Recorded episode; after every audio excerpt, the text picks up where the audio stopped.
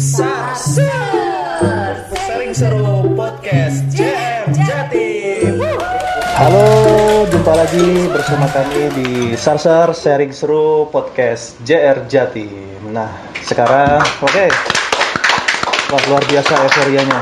Seperti biasanya, mantap.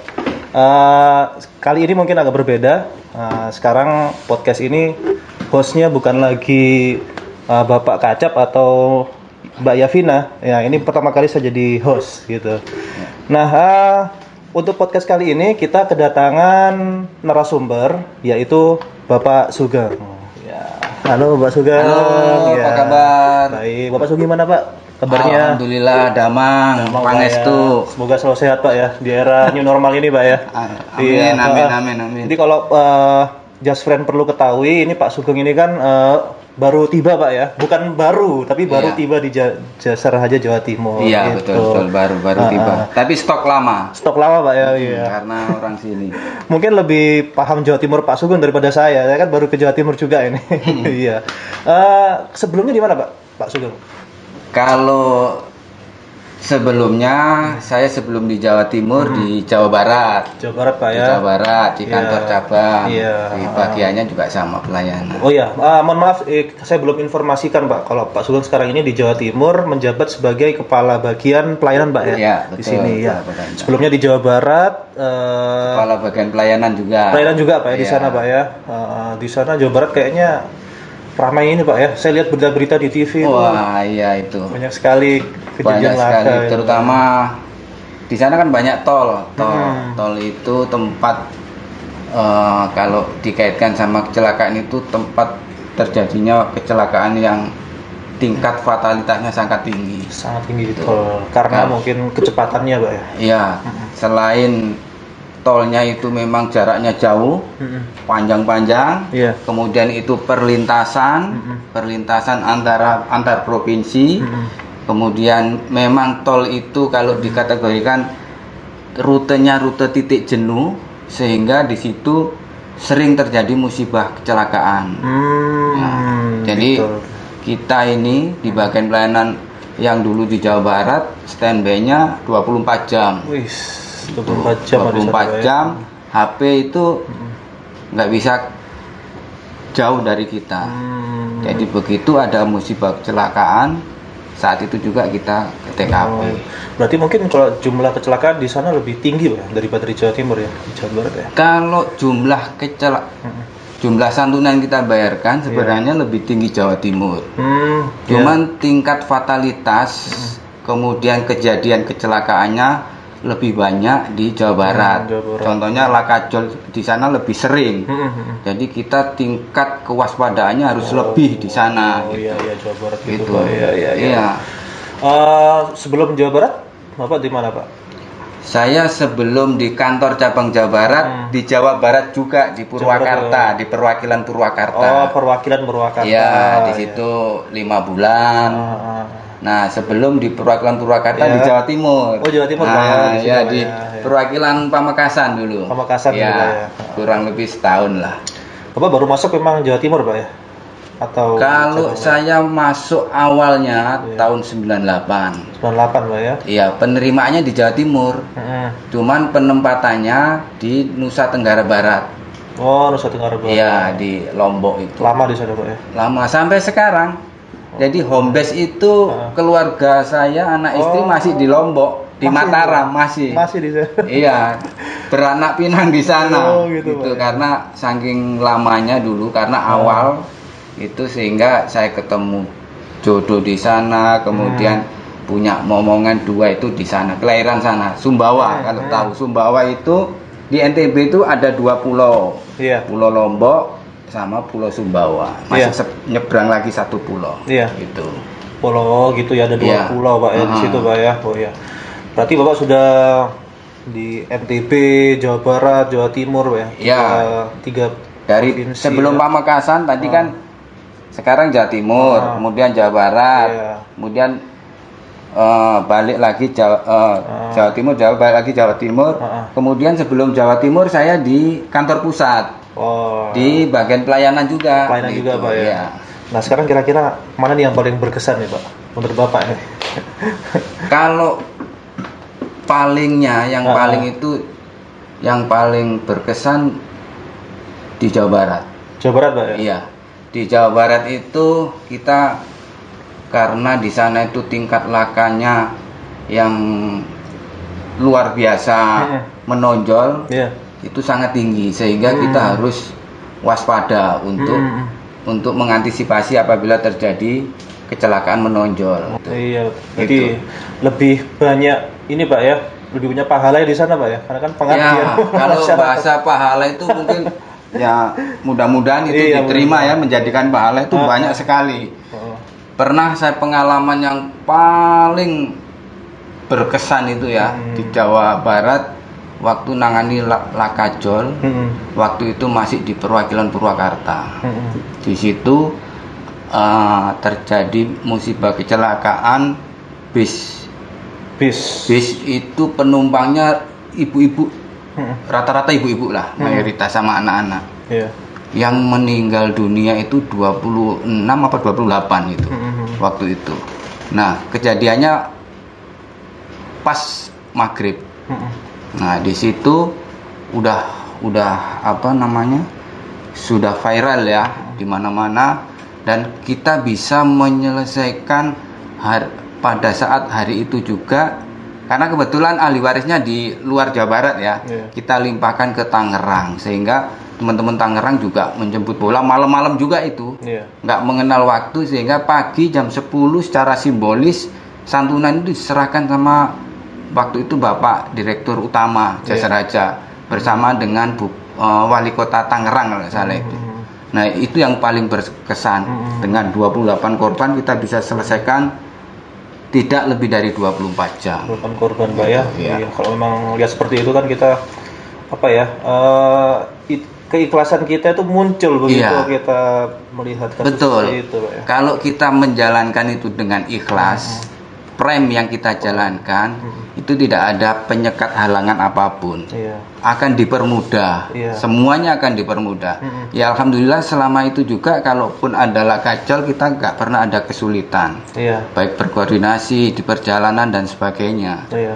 Sehingga eh, apa yang kita jalankan itu kalau udah lancar kan itu me- merupakan salah satu bentuk apa ya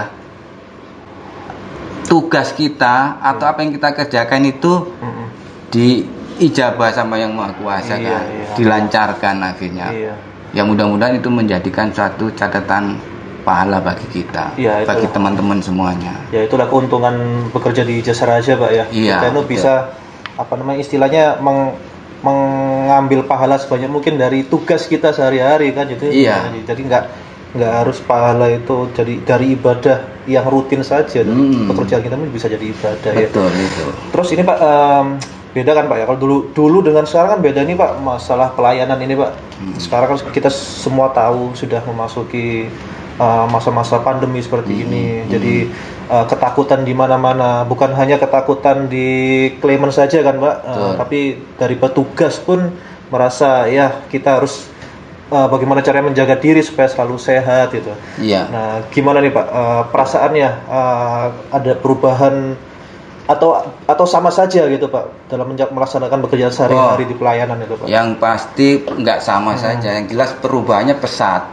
Perubahannya sangat pesat. Iya. Yang pertama saya selalu menyarankan ke teman-teman bahwa kesehatan yang paling utama. Mm-mm. Kedua saya sarankan ke teman-teman juga kesehatan yang paling utama. Mm-mm. Yang ketiga saya sarankan ke teman-teman kesehatan lagi yang paling Iya, utama. Yang keempat baru kita bisa menjalankan Iya. tugas pokok kita yaitu menjalankan uh, pelayanan kepada masyarakat. Hmm. Karena apa? Kalau kita tidak menjalankan atau tidak uh, mengamankan kesehatan kita masing-masing, itu apa gunanya kita bekerja lebih keras, kinerja baik sementara kita nggak sehat gitu. Hmm. Iya, iya. Yang pertama itu wajib saya tanamkan. Iya, iya. Nah terkait kondisi sekarang ini, Iya. jelas nggak bisa samakan dengan yang dulu. Iya. Kalau yang dulu begitu ada kecelakaan, kemudian kita langsung tanpa basa-basi, tanpa mengabaikan atau dengan mengabaikan protokol COVID Iya, ya, dulu ya. nggak pakai apa-apa kita langsung bisa ke rumah sakit, bisa ke ahli waris. Kalau sekarang kita bi- nggak bisa seperti itu. Mm-mm. Yang pertama harus ingat bahwa sekarang ini masa pandemi. Mm-mm. Kemudian harus ingat kalau sudah masa pandemi ini protokolnya bagaimana. Iya. Dan itu sudah kita siapkan sebenarnya alat-alatnya wajib dipergunakan.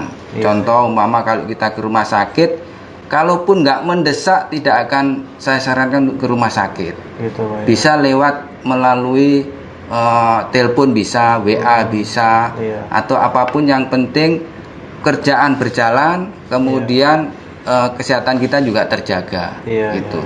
Itu kalau nggak terpaksa. Iya. Dan kalaupun itu terjadi musibah kecelakaan yang mengakibatkan korban meninggal, Iya. ya karena salah satu prosedurnya harus survei Iya. dan kita mungkin pada saat itu kita nggak menemukan nomor kontak person keluarga korban, kita mau nggak mau harus mendatangi Mm-mm. ahli waris korban. Iya. Tentunya harus sesuai protokol. Contoh ya kita harus pakai face kayak gini, Iya. masker. Saya sarankan ke teman-teman kalau masker aja tidak cukup. Karena rata-rata kalau saya melihat di sini masker itu masker yang terbuat dari apa namanya scuba. Iya. Scuba itu masih ada rongga-rongganya kan. Pori-porinya Ah, gitu pori-pori ya. itu sangat uh, berpotensi sekali masih bisa menyerap kan gitu ya. Makanya untuk menjaga itu harus pakai face shield. Kemudian kaos tangan kalau dimungkinkan pakai kaos tangan. Dan yang terpenting ini yang tahu kondisi lapangan itu kan teman-teman. Mana ini wilayah yang zona merah contoh, Hmm. mana yang zona hitam lebih-lebih. Itu kalau memang zona merah, zona hitam lebih baik kita harus antisipasinya lebih. Bila perlu kita harus berkomunikasi lewat telepon atau WA dulu. Iya. Kemudian baru kita bisa tindak lanjuti umpama ketemuan di mana. Ini untuk menjaga ya, bukan berarti kita nggak mau gitu. Iya. Untuk menjaga bahwa apa kesehatan kita ini nggak terganggu tapi tugas kita tetap berjalan. Gitu. Sepanjang kita bisa yakin bahwa tugas kita itu sudah benar, kenapa tidak di tempat lain untuk menjalankannya. Contoh untuk survei ahli waris, kita ajak ketemuan di mana sama-sama tempatnya aman, gitu. Iya. Seperti itu kira-kira. Jadi yang sekarang ini tentunya kita wajib betul-betul waspada terhadap pandemi ini karena pandemi ini kan nggak memandang bulu Iya siapa betul. biar itu umpama menteri aja kena Iya. siapa pun tetap kena presiden mana di luar negeri juga kena sehingga kita harus betul-betul waspada Hmm. seperti itu Iya seperti itu Pak ya. Hmm. Jadi ah, memang sudah banyak penyesuaian Pak ya di pelayanan sekarang Pak ya. sudah banyak Iya. sekali penyesuaian Mm-mm. terkait yang lainnya umpama ada tugas selain selain kasus kecelakaan umpama survei pasca bayar Iya. survei pasca bayar ini kan sudah di diantisipasi sama eh, teman-teman yang di kantor pusat bahwa tidak perlu mendatangi keluarga korban cukup Iya. lewat telepon kita kan Iya. punya database Iya. banyak hal yang sebenarnya untuk mengantisipasi kaitan pandemi ini Mm-mm. sehingga kita kesehatan kita terjaga Mm-mm. tugas kita juga bisa berjalan dengan baik Nah itulah yang saya lihat Pak. Eh, jadi pandemi ini memang efeknya nggak selalu negatif sih. Ada ada positifnya. Kayaknya sepertinya kita yang tidak terpikirkan di masa lalu itu begitu ada pandemi, wah ternyata bisa Iya, gitu. iya. Lewat konsultan, lewat aplikasi, Iya, terus uh-uh. kita bisa meeting lewat ini Pak ya. Iya. Eh, online. Betul, gitu kan. itu juga karena situasi kondisi sehingga bisa jadi memaksa kita Iya. meskipun dengan terpaksa tapi ini merupakan eh, bisa dikategorikan inovasi karena tuntutan juga. Oh, iya. Kalau dulu pernah belajar apa namanya ikut seminar Iya. ada namanya power of kepepet. Nah, itu. Power. Jadi kalau udah kita Iya. kepepet mau nggak mau kita harus Hmm. eh, lakukan. Contoh gini kayak Iya. kayak eh, animasi itu ya. Mm-mm. Kita dikejar singa, Mm-mm. lari kan. Iya. Mau nggak mau kita wajib naik pohon. Iya. Padahal pohon itu tinggi, Iya. tapi kenyataannya itu bisa kita naik. Iya. Ya karena dikejar anjing itu atau ap- apa harimau itu. Iya. Sehingga kita bisa naik. Coba kalau kita nggak dikejar harimau itu, Iya. kemungkinan kecil kita bisa naik sampai di tinggi itu. Iya, nah, betul itu juga, betul artinya itu kan power of kepepet. Iya. Tenaga pada saat Iya. kita kepepet itu pasti bisa seperti Iya, itu. gitu Pak. Jadi kayaknya kita harus memang sering-sering kepepet nih Pak. iya, memang harus harus ada yang mepet-mepet kita itu. Iya, makanya. biar biar apa ya? Tapi nggak nggak nggak semuanya ya. Hmm. Cuman kalau kondisi seperti ini supaya kerjaan ini berjalan lancar, Hmm. bagaimana caranya gitu. Iya, iya. Seperti itu sehingga banyak inovasi-inovasi yang harus diciptakan sehingga nanti kerjaan itu berjalan lancar. Iya. Meskipun dengan situasi kondisi seperti ini. Iya, jadi intinya ya telah banyak Pak ya yang kita sesuaikan yang pasti itu tetap tugas kita untuk melayani masyarakat itu tetap harus jalan Wajib, wajib wajib tapi bukan tetap juga ya. Juga harus memperhatikan kesehatan Pak Iya. ya. jangan sampai uh, Betul, jangan sampai Pak, ya. mengorbankan salah Iya. satu lah. iya gitu. jangan sampai Kita menjaga kesehatan, Nah. tapi nggak ke mana-mana, nggak nggak Iya. kita melakukan apa-apa, kasihan masyarakat, kan gitu. iya. Semen- Terus kita memperhatikan masyarakat, tapi mengabaikan kesehatan kita sendiri yang sakit nanti. Nah Iya. itu harus sama-sama berjalan Iya. bagaimana caranya. gas Seperti- dan remnya itu Ah, ya, gas dan rem itu harus ya. diatur sehingga apa ya kalau ngar- ngarani di sini tuh. Pokoknya pokoknya podo mlakune Oh, iya, iya iya kayak umpama rel itu rel kan dua nih Iya. nggak mungkin salah satu jalan kan dua-duanya Iya. jalan jalan gitu. gitu. bisa kok Pak ya itu Bisa, tergantung nggak- niatnya. tergantung niatnya iya gak niat ya wes ngomong-ngomong Bapak ini aslinya mana Pak kalau asli kelahiran Surabaya Surabaya. Iya. sampai kuliah kuliah dulu itu tahun 97 98 terakhir itu masa-masa reformasi. Iya, iya. saya dulu sempat ikut demo. Wih, terus diterima di Jasa Raja tahun 98 98 Pak ya? Hmm. pas panas-panasnya pas panas-panasnya. Saya wisuda tahun 98 bulan Juni kalau tidak salah. Mei apa Juni. Iya. Itu wisudanya di lapangan pada saat panas-panasnya demo. Hmm. Nah bulan Agustus diterima sama Jasa Raja Iya. langsung tempatkan di NTB Wih. di perwakilan Sumbawa waktu itu Sumbawa, ya. nyebrang jadi kerjanya naik kuda Wih. naik kuda itu ibaratnya karena di sana pegunungan cadas batu Ah. tahun 98 sepi sekali di sana habis Sumbawa kemudian ke mana ke Mataram ke Lombok itu kurang lebih enam tahunan kalau tidak salah Hmm. itu kemudian pindah ke pusat Hmm, udah pusat Pak ya. iya Udah berapa lama masa kerja tuh Pak pindah ke pusat itu?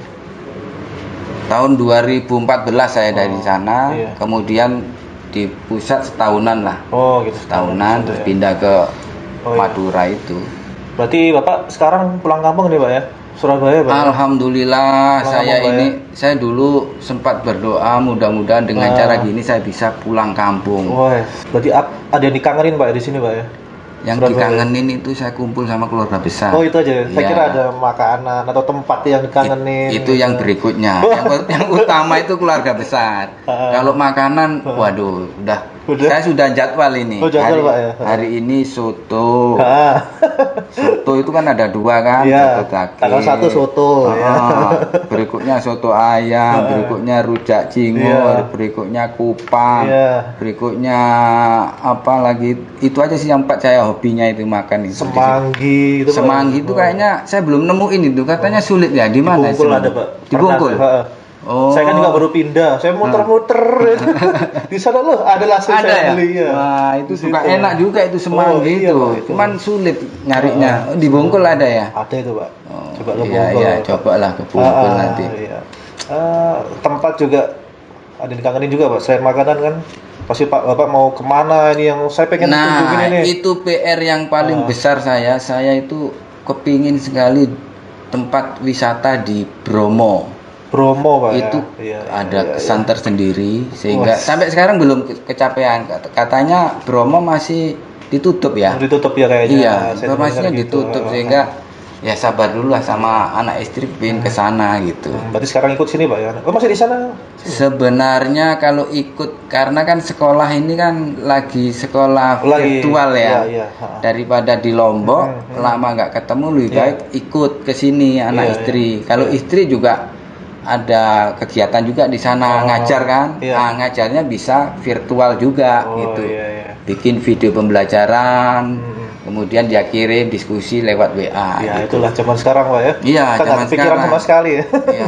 cuman berat loh bebannya guru itu Ah, istri iya. saya bilang gini karena pelajarannya pelajaran eksak ya Iya. kimia sehingga tidak bisa ngajarin seba- sebatas eh, video pembelajaran aja perlu diskusi Hmm. nah dengan diskusi itu kan banyak sekali kelemahannya kalau lewat virtual Hmm, hmm, hmm. contoh kalau lewat WA contoh kalau lewat Zoom itu banyak sekali karena Hmm. butuh butuh informasi yang atau diskusi yang lebih intens sebenarnya Iya, gitu iya, iya, iya, iya. itu jadi pernah Ya, beda sampaikan ya. agak Bagaimanapun berat. juga memang ada be- be- ada perbedaan lah pak ya. iya Dengan uh, online atau dengan iya secara betul langsung, ya. Lebih lebih apa lebih bagus yang langsung, langsung itu ya, Pak. Jadi nanti malam bapak jadwalnya apa nih pak makannya? kan sudah ada jadwalnya.